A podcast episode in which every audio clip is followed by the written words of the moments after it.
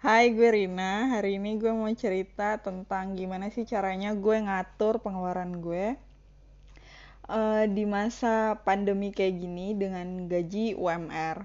Nah, eh, gue mau cerita kalau misalnya gue baru mulai kerja itu di umur gue eh, 23 jalan ke 24. Nah, gue baru kerja 4 bulan yang lalu, jadi gue baru eh, ngontrol pengeluaran gue itu akhir-akhir ini. Jadi baru 4 bulanan ini. Nah, eh, hal hal ini mungkin bikin pusing ya eh, buat beberapa orang termasuk gue pas awal mulai kerja dulu. Gimana sih cara ngontrol pengeluaran dan harus spare berapa buat saving? Dulu tuh gue masih bingung buat nentuin persenan saving gue berapa, pengeluaran gue berapa, terus uh, buat hedon segala macem berapa, uh, itu yang awal-awalnya bingung gitu.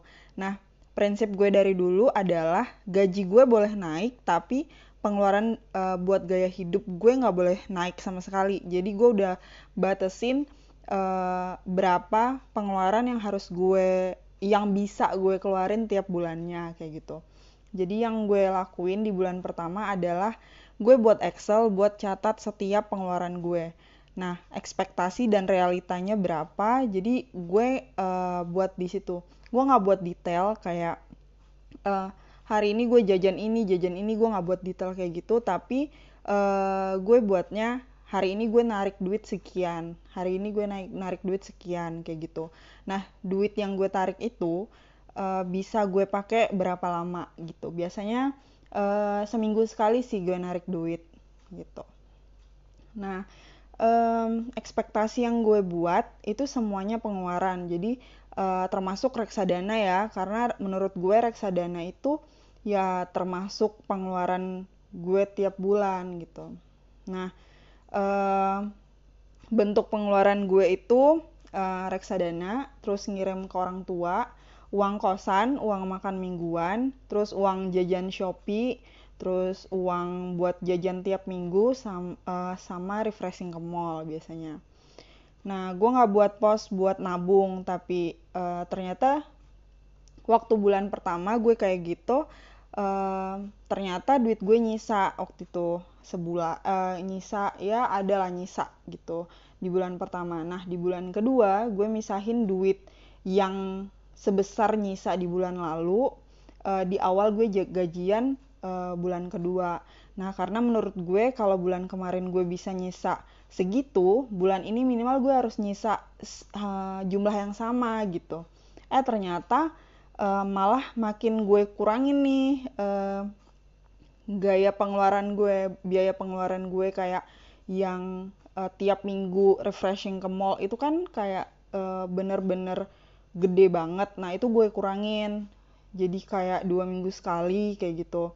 Nah karena gue ngerasa ya itu nggak penting-penting banget gitu. Dan ya bisa gue kurangin. Nah di bulan ketiga gue netapin jumlah yang harus gue tabung. Dan gue pisahin di awal bulan banget.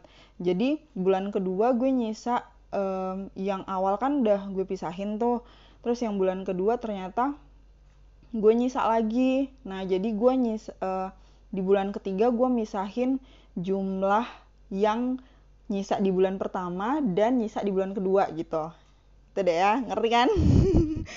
Gitu deh. Nah di bulan ketiga ini gue mulai ubah nih pola pengeluaran gue. Yang awalnya gue ngisi saldo Shopee Pay itu di awal bulan. Nah itu uh, gue jad, ubah jadi seminggu sekali gue ngisi saldonya.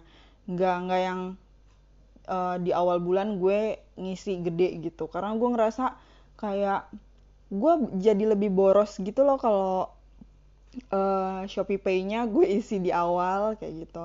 Nah, um, terus biasanya tuh kan uh, gue ngubah pola juga kayak biasanya gue head on itu pas awal-awal gajian. Nah, uh, bulan ketiga ini gue head on-nya tuh biasanya di akhir dan gak head on head on banget juga sih sebenarnya. Nah, uh, setelah gue kulik-kulik gue belajar uh, keuangan kayak gitu ya gue belajar otodidak aja sih di YouTube kayak gitu di di podcastnya Raditya Dika juga ada nah gue belajar kalau presentasi pengeluaran yang ideal itu bukan presentasi pengeluaran sih, presentasi keuangan yang ideal itu saving itu 30%, playing itu 20%, nah living itu 50%. Jadi uh, kita nabung itu bisa 30% dari total uh, gaji kita. Nah, itu yang amannya banget ya. Jadi uh, kalau keuangan yang sehat itu adalah keuangan di mana kita masih bisa nabung 30% dari gaji kita gitu. Nah, terus untuk playing itu playing ini bisa hedon, jajan, belanja kayak gitu 20% dari total gaji kita. Nah, untuk living sendiri itu kayak ya, buat makan, buat kosan, buat bensin itu 50%. Gitu deh yang gue terapin sampai sekarang. Jadi um, ya prinsip-prinsip kayak jangan hedol di awal bulan, hedon di awal bulan, terus uh, kalau misalnya emang ada imani-imani tertentu itu yang isinya seminggu sekali kayak gitu nggak yang sebulan sekali langsung jor-joran kayak karena itu bisa buat diri kita kayak hmm, ngerasa ba masih banyak duitnya masih banyak duitnya udah jajan aja nggak apa-apa kayak gitu. Nah terus uh, ini gue juga misahin tabungan. Jadi ada buku tabungan yang khusus jajan gue yang uh, di situ ada m bankingnya ada uh, link ke berbagai imani kayak gitu. Itu ada satu bank satu ATM nah yang satu lagi itu buat uh, tabungan gue jadi uh, gue ngerasa di situ buat duit uh, apa dana darurat gue deh.